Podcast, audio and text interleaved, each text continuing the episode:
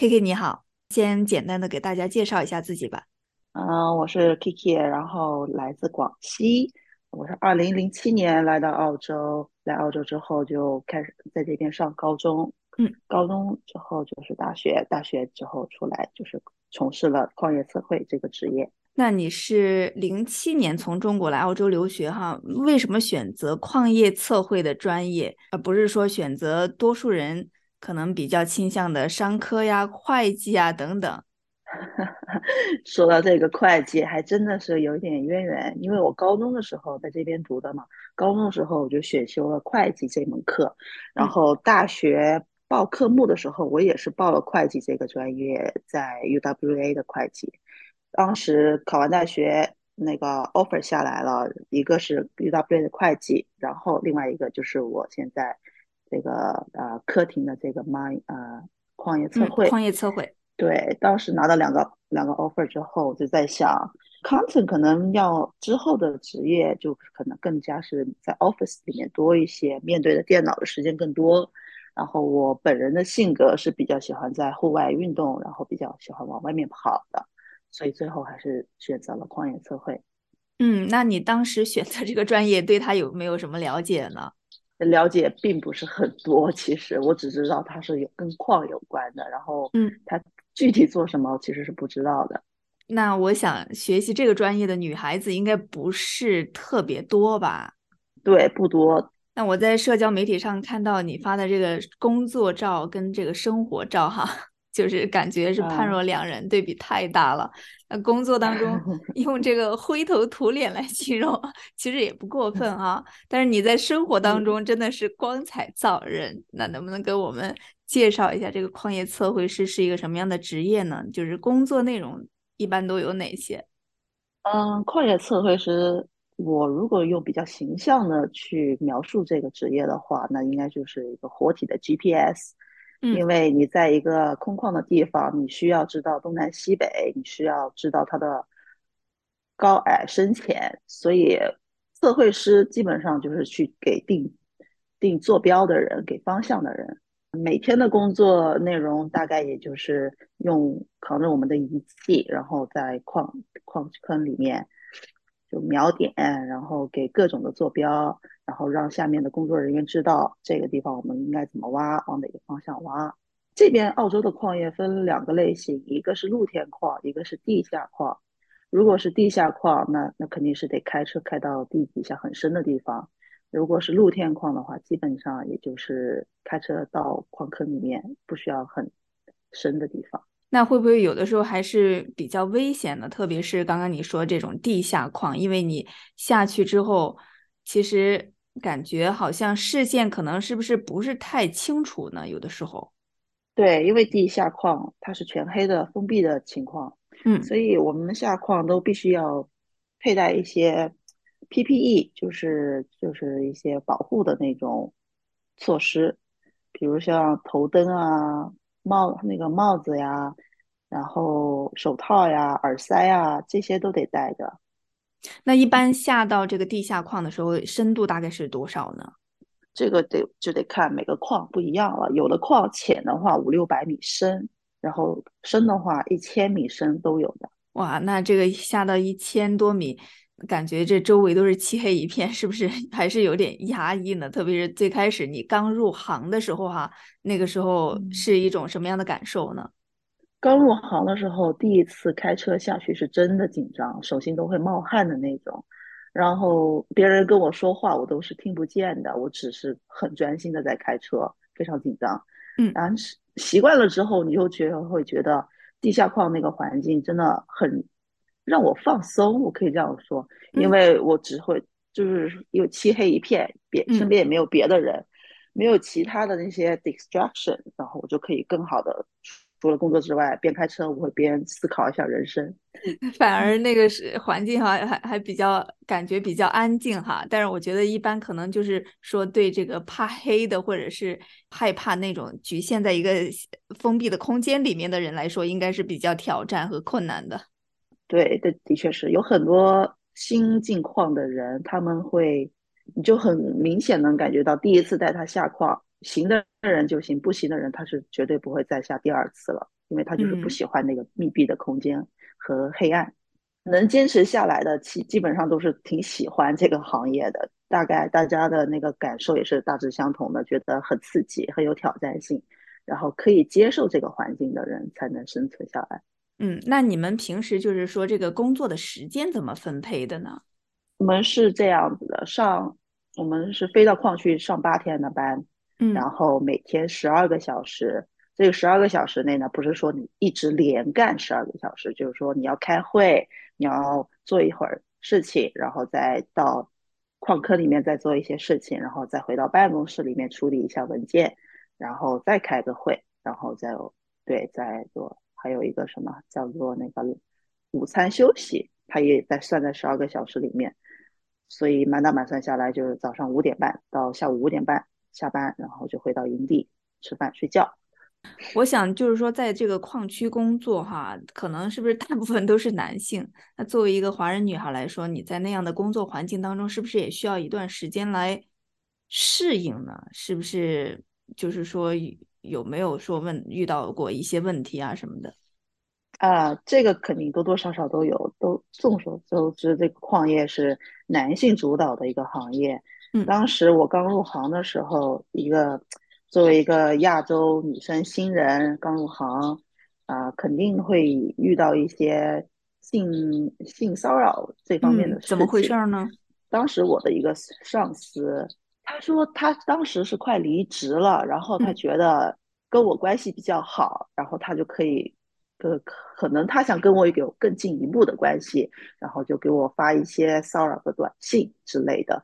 然后他喝醉了酒，他也会。到我的房间门来敲我的房间门了，说我能不能进去跟你聊聊天之类的这些，其实还挺，嗯，那个时候是挺不知道要该怎么面对这种场面的。当时我是就跟身边的人问了身边的同事，大家都都告诉我，面对这样的情况的时候要怎么办。作为女生来说，不论你是亚裔还是本地人，你都应该就是站起来，你要告诉他，你不能这样子对我，然后要为自己说话。因为在矿业这个地方，你必须就是比非常要要要坚强一些，所以在这种情况下，要知道怎么样去合适的去处理，其实这个才是比较重要的哈。对，我知道中国女生的话可能会不好意思受到这样子的待遇的时候，她会觉得一下子是自己的错，或者是为什么他会这样对我，我该怎么办？那这种时候就他这种是不不要对他有任何怜悯之心。反击就对了，嗯，那周围的同事对你加入他们的这个队伍，他们有什么反应呢？一开始他们会觉得，哦，一个亚洲女生，嗯，也就那样吧，因为你可以看到他们的表情和对你说话的态度，就会觉得你可能一个亚洲女生可能做不了，胜任不了这个职位。嗯但是经过一段时间，我努力工作，然后就是证明了我自己的能力之后，大家对我的看法的改变真的是，嗯，你可以明显感觉得到的，就大家会更信任你这个人，会把更多就是更重要的工作会交给你，然后他们也会说很信任 Kiki，你这个人可以把这个工作给做好来。嗯，所以最开始的时候，你其实刚工作那段时间，是不是自信心上没有那么的足？啊，对，那肯定的。刚入行的话，新人嘛，我什么也不知道，那只能跟着我的老我的那个上司一直学东西。当时也是犯了很多错了，那只能这样说。嗯，什么样的错呢？嗯，比如说开车把车开到沟里面了，这个就是算一个 incident，就是算个出事故了。嗯，还有很多就是小的那种糗事，我都不太 记得了。嗯，我在想，就是说这个矿业测绘师哈，他这个对这些矿的那种定位哈的这种测绘哈，应该是比较关键的。那如果是有一些错误发生了，是不是会导致比较严重的后果呢？嗯，对，基本上来说，一般测绘是不太可能出错，因为我们都是靠数字跟那个机器去计算的。呃，人为的错误的话，几率很小。前面你提到说你工作八天休六天，然后 fly in fly out 就是飞进非出哈，这个是矿区特有的一种工作方式哈，我感觉。那能不能具体说一说这样的工作方式对你的生活，包括这个家庭社交各个方面啊，会不会有什么影响呢？会有吧，因为在矿上就跟家里面人见不到面，每天也只能打打电话保持联系，但是。回来的六天，休息的六天是蛮舒服的，连休六天，然后有很多事情我都可以处理掉，因为 weekday 嘛，别人在上班的时候，我也正好可以把我的事情也处理掉了。现在是单亲妈妈，那这个对就是照顾孩子方面来说，觉得就是工作跟生活的平衡可以做的比较好，还是说这种非进非出的这种工作方式还是有一定的影响呢？嗯，是有影响的。作为一个单亲妈妈来说，嗯，非在工作的时候，那孩子只能在家里面，你不能带上矿，那这个时候只能依靠家里面的人的帮助。所以我妈妈会帮我看孩子，当我在上班的时候。那你在这个西澳矿区已经工作十来年了哈，呃，有没有什么记忆比较深刻的这种体会或者是经历跟大家分享呢？坍塌这个事情我是遇见过几次，但是没有造成人员伤亡。就我们开的开就在一个巷道里面，然后那个机器它就停在那儿，它停的地方已经是做好，就是那个做好了那种防护措施的，因为我们的那个巷道都必须是用铁铁丝网给它固定住的，防止它顶上那些石头掉落下来。嗯。然后正正好就是他停的那个位置，任何东西都已经准备好了，就是呃铁丝网也给他固定好了，就偏偏他停的位置那个铁丝网破了，嗯，然后上面那个石头就整个就砸下来，砸了那个把那个那个机器就砸扁了，幸好是当时那个机器上是没有坐人的，一般被砸的那个位置它上面是。是要有一个 operator 在上面坐着的，嗯，然后大家看到这个情况，那个 operator 就很后怕，他说万一当时如果不巧是他坐在那里怎么办？那他就可能就一命呜呼了。所以当时你也是在现场看到了整个事件的过程哈？哦，我倒没有看到，我是事后我要去就是做 survey 的时候，因为他们发生任何的事故，我都得到现场去做一个 survey，把它。就采集起来，包括那那个地点，还有多大的石头，我都得给他采集，然后要写一个那个事故报告。其实我当时也觉得，哇，真的是蛮危险的。如果当时你们做一个人，那真的是一下子命都没了，很大一块石头掉下来。一个是铁丝网它破了，二个是它的这个石头是不稳固的，是不是？嗯，是这样子。如果你越往地下，那个地下那一层的石头，它受力是越。就是越大的，嗯，然后你如果张力这石头受压越大，那我越往下走，它需要需要那个保护措施就更严格、更多一点。那可能那个地方它那些石头承压比较多、比较大，那个铁丝网已经 hold 不住它了，所以就发生了这个事故。矿的话，它是挖的是不同类型的矿吗？啊，对。每个矿它都有自己的那个 commodity，就是它要挖的那个元素，金属元素。像有的是铁矿，那有的是金矿。那我这个我现在工作的这个矿就是锂矿。嗯，挖每一种矿操作方式或者它的危险系数啊什么的，它这个是都差不多，还是说是不一样的？呃，不一样的，它是要根据你这个矿矿体的走向而制定你需要。去挖它的那个方案，比如说它只在浅层地表浅层，那你就没必要走到地下矿去挖它，你只要在露天矿一层一层的给它剥出来就可以了。嗯，那有的矿体它是埋在距离地表一千米以下，那你怎么办？你只能是开巷道走到地下一千米，然后再去挖它。那这个一千米以下的一般是什么矿呢？呃，都有，像镍矿啊、金矿啊，都都比较多。铁矿一般很少在这么深的底下，铁矿一般都是哦那个露天矿去开采的。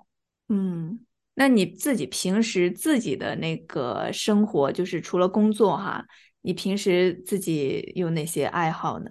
啊，我平时喜欢打羽毛球，我经常在小红书上也发发很多找球友的那个帖子，所以因为这个小红书认识到了很多志兴呃兴趣爱好相同的朋友。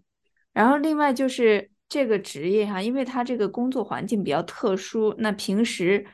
可能自己的有一些爱好，可能就会是受到影响。你比如说，女孩子都喜欢涂个指甲呀、化个妆啊、弄个发型啊什么的，这些对你来说应该是还是会有一些影响吧？啊，对。那在矿上的话，化妆我们一般基本上就是免掉了，不用不用化妆了，因为也没那个时间去化妆。呃，最主要的还是防晒，我们会做好。防晒工作比较重要，因为我今年刚刚进了这个呃露天矿，嗯，露天矿跟地下矿是真不一样。露天矿理所当然的，它的太阳更大了，因为每天都得晒太阳。所以我刚才说到了，因防晒防晒一般是达到多少度呢？我现在这个矿的话还好，就三十多度吧，没到四十度。但如果越往北，那温度就越高。如果是有在北区。做矿的姐妹们，我就是相当的敬佩她们。地下矿的话，更多的是黑暗、潮湿跟不通风，那就是没有太阳的困扰。要扛着这个测绘仪器是吧？一般这个多重呢？呃，测绘仪器的话，我们叫它全站仪 （Total Station），它大概连箱子在一起的话，八九公斤得有了。矿地下矿的安全系数是很高的，所以因为这边的规定很严格，每个矿都得必须。严格遵循这个矿业规定，所以安全系数方面是不用担太担心。嗯嗯，那你对自己未来的这个职业发展和生活方向有没有什么想法呢？目前来说，还是挺喜欢 fly in fly out 这一种生活方式，因为毕竟习惯了嘛。但是如果有机会能回到城里工作，那我也不排斥，那就就看呗，这个一切。嗯，那这个职业还是可以回到城里工作的，是吗？嗯，所谓的话，测绘是可以回到城里工作的，也是做跟 construction engineering 有关的那种所谓啊测绘，多了一个选择哈，也可以选择到办办公室去，然后也可以选择到这个像西澳矿区的这样的一个户外的这种过作业的场合去工作。那一些华人女孩也想去试试到矿区工作的话，你对他们有什么意见建议呢？如果想要到矿区工作，肯定要有一技之长，不然你如果入门的话，做类似于平台这种工作也可以，但是要求英文一定要在线才行。那如果是要想也从事这个矿业测绘师这个职业呢？啊，那就必须得读书了，这个是唯没有办法逃避的问题，是一定得读书。嗯，就学这个专业。对，不管你是去。科廷读三年的本科也好，还是去 TAFE 读两年的那个 diploma 也好，这个学历肯定是避免不了的，一定需要的。这个工作其实还蛮挑人的，如果是一般女生就比较柔弱一些的，然后觉得呃怕累、怕辛苦的话，可能所谓这个工作还是比较不那么适合这一类的女生，因为它还是涉及到一些提重物啊，然后。要面临的风尘很大，然后脏环境也是比较脏的。嗯，对，对于这一些，我觉得需要女生比较呃，怎么说来 tough 吧？嗯，tough 一点。那我本身我也有在每天都在去健身，就是为了能 对更胜任这份工作。嗯，就是主要是要提重物是吗？对，其实也不用去健身了，就每天工作也就算在健身。嗯，好的，非常感谢西澳的矿业测绘师 Kiki 给我们分享了他的职业和他的故事，谢谢你。啊，谢谢谢谢你们的邀请。